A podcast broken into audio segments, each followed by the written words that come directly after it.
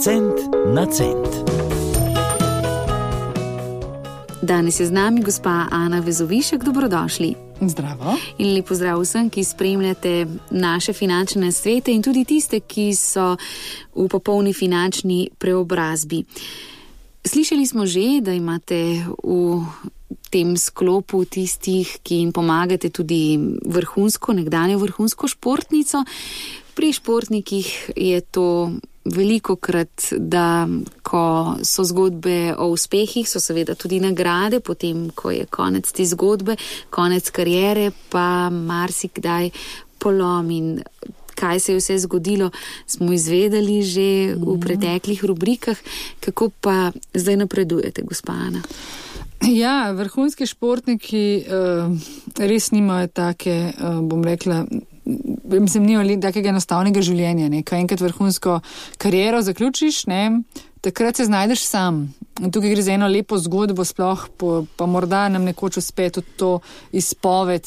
Uh, gospe, mogoče malce bolj v javnosti razkriti, uh, predvsem zato, kako poudarja, da, da, da je bila pravzaprav sama, da ona ni vedela, na kaj vse more paziti, predvsem finančno, uh, ko se bo enkrat njena pot zaključila, kako je športnico, ko rodi prvega otroka in se trudi prideti nazaj v, ne, na svojo pot, mm -hmm. pa potem še drugega otroka, kako je, ker si primoran pravzaprav vse prepustiti partnerju, ker sam pač treniraš in ne moreš imeti pod nadzorom financ. Uh, in kar naenkrat, ko končaš, si pozabljen. Prejmaš okoli sebe ogromno podpornikov, sponzorjev. Ne, takrat, potem, kasneje, pa nikjer več ni nobenega. In ta pot, se pravi, ta karijera je zelo kratkotrajna, pravzaprav na nek način. In ja, tako je gospa pravzaprav potem zelo hitro ostala sama z dvema otrokoma, uh, z kupom enih bremen, uh, pri čemer je spet težko, ne, ker, ker je. Jaz pravim, tako rešitve vedno obstajajo in konkretno v tem primeru gospa, ki ima uh, kredite, uh, bi lahko prodala neko parcelo, s katero bi pravzaprav poplačala vse svoje obveznosti, plus ostalo bi. Ampak kaj, ko smo ponavadi zelo čustveno navezani -huh. na nekaj, kar smo takrat, ko nam je šlo super, ko smo bili s tistim partnerjem zaljubljeni, srečni, zadovoljni, želeli tek tam postaviti hišo. Ne? In uh, mi, ki nismo upleteni, vidimo tako zelo enostavno rešitev. Jo, mislim, o čem se pogovarjamo? Hišo si lahko vi še zmer, čez dve, tri leta postavite, ne? če boste seveda imela takšne prihodke in tako naprej. Um, ali pa vas bo celo počakala, počakala parcela, ne boste celo kupila nazaj. Ampak spet je ta korak izredno težko narasti. Ker so zadnjič govorili v avtu, imamo tle parcelo. Še več. Ampak to je enostavna rešitev. Imela bi gospa, ne vem, ostalo bi 15 tisoč evrov na računu.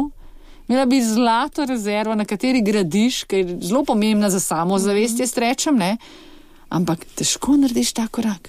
Da se predstavljate, tam ti pa leži, temu rečemo mi mrtvi kapital, bori se z meseca v mesec, z krediti, leasingi in tako naprej, ampak ta korak je pa tako težko narediti.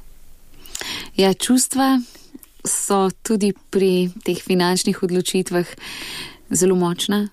Zelo močna. Uh -huh. In gospa Ana, kako jih pa vi obvladate sami pri sebi?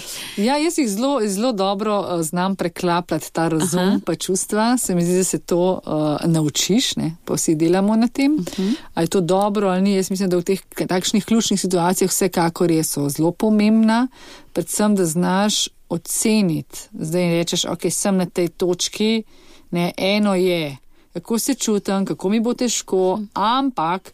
Jaz osebno vedno najdem plus v vsaki stvari. No? Tako da mislim, da je bolj pomembno, da bi ljudje delali na tem, da ne gledamo kot slabo nekaj, kaj zdaj se bojo drugi mislili, kaj zdaj bom pa brez tega in tako naprej, ampak gledamo kot dobro. Se pravi, super, ostal mi bo denar, se res, čez dve leti imam lahko svojo hišo. Ne? Mislim, hočem reči, dajmo si pokazati, kaj lahko to doprinese, nekaj odnese. Mogoče. Torej, ko se zaprejo ena vrata, se odprejo druga, kaj ne? Pa ne samo ena, jaz rečem, da navadi je potem veliko več. Hvala lepa, gospa Ana Vezovišek. Hvala Srečno. vam. Cent na cent.